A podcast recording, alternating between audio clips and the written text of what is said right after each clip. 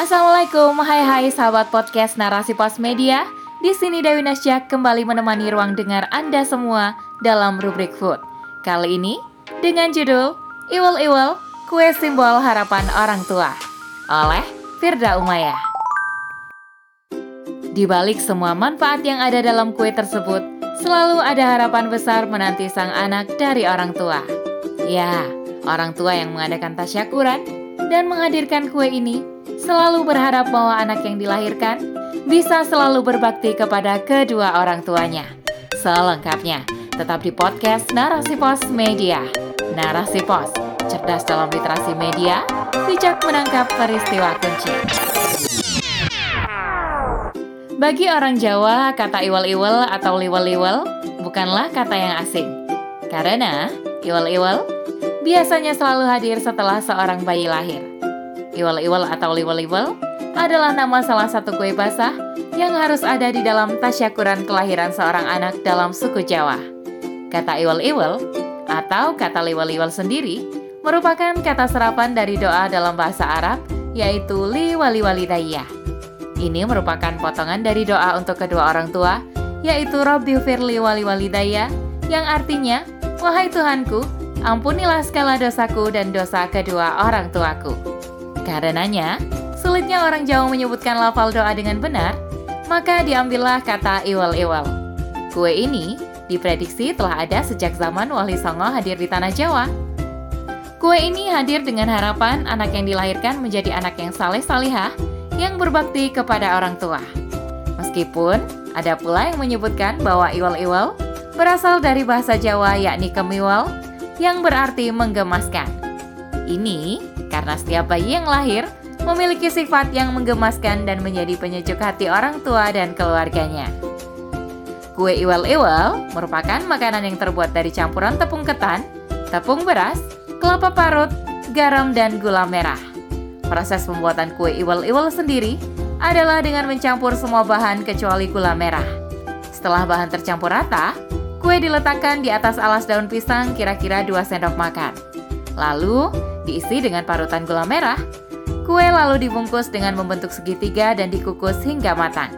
Rasanya yang gurih dan manis menjadi ciri khas dari kue ini. Kue ini selalu dirindukan saat ada tasyakuran kelahiran bayi, yakni tasyakuran pitonan alias 7 bulan usia anak atau yang lainnya. Kandungan karbohidrat yang terdapat dalam kue ini juga cukup besar loh, karena dilihat dari komponen bahan yang digunakan. Kue ini juga memiliki sejumlah manfaat. Kandungan tepung ketan yang ada di dalamnya bermanfaat untuk membangun tulang yang kuat, meningkatkan kesehatan usus, dan mencegah sembelit.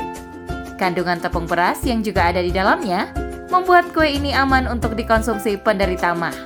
Adapun gula merah yang ada sebagai isian kue bermanfaat untuk meningkatkan energi, memperbaiki sistem pencernaan, mencegah anemia, dan tinggi mineral dan lain-lain.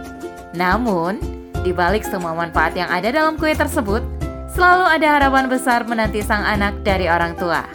Ya, orang tua yang mengadakan tasyakuran dan menghadirkan kue ini selalu berharap bahwa anak yang dilahirkan bisa selalu berbakti kepada kedua orang tuanya. Inilah makna terdalam yang membuat kehadiran kue ini selalu terjaga.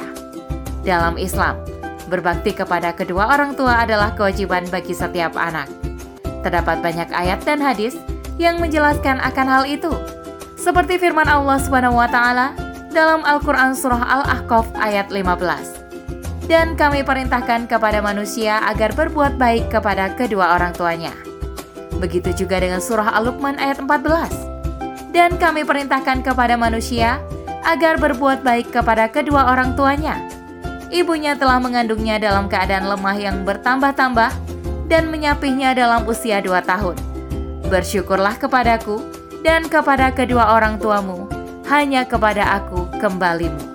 Dalam hadis Rasulullah, beliau Shallallahu Alaihi Wasallam bersabda, Siapa yang suka untuk dipanjangkan umur dan ditambahkan rizki, maka berbaktilah pada orang tua dan sambunglah tali silaturahmi dengan kerabat. Hadis riwayat Ahmad. Namun perlu diperhatikan bahwa baktinya seorang anak kepada orang tua tidak boleh bertentangan dengan perintah Allah dan Rasul-Nya. Jika orang tua memerintahkan kepada seorang anak perkara yang tidak sesuai dengan syariat Islam, maka anak tidak boleh menurutinya.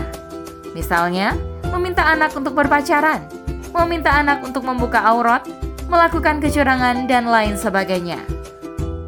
Begitu juga sebaliknya, baktinya seorang anak kepada orang tua juga bisa dilihat dari amar ma'ruf nahi mungkar yang dilakukan anak kepada orang tua dan keluarganya. Ketika seorang anak menjadikan ketaatan kepada Allah dan Rasulnya dengan ketaatan yang penuh loyalitas, maka ini merupakan bukti baktinya seorang anak kepada orang tua. Anak juga akan selalu berusaha menjaga orang tua dan keluarganya agar senantiasa dalam ketakwaan kepada Allah Subhanahu wa taala. Anak akan mengingatkan orang tua dengan cara yang ma'ruf ketika orang tua mungkin lupa atau lalai akan syariatnya. Karena ini merupakan salah satu perintah Allah yang harus dilakukan sebagaimana firman-Nya dalam Al-Quran Surah At-Tahrim ayat 6. Wahai orang-orang yang beriman, peliharalah dirimu dan keluargamu dari api neraka yang bahan bakarnya adalah manusia dan batu. Penjaganya, malaikat-malaikat yang kasar dan keras, yang tidak durhaka kepada Allah terhadap apa yang dia perintahkan kepada mereka, dan selalu mengerjakan apa yang diperintahkan. A'lam bisawab. Demikian rubrik food kali ini. Sampai bertemu di rubrik food selanjutnya. Saya Dewi Nasyak undur diri. Assalamualaikum warahmatullahi wabarakatuh.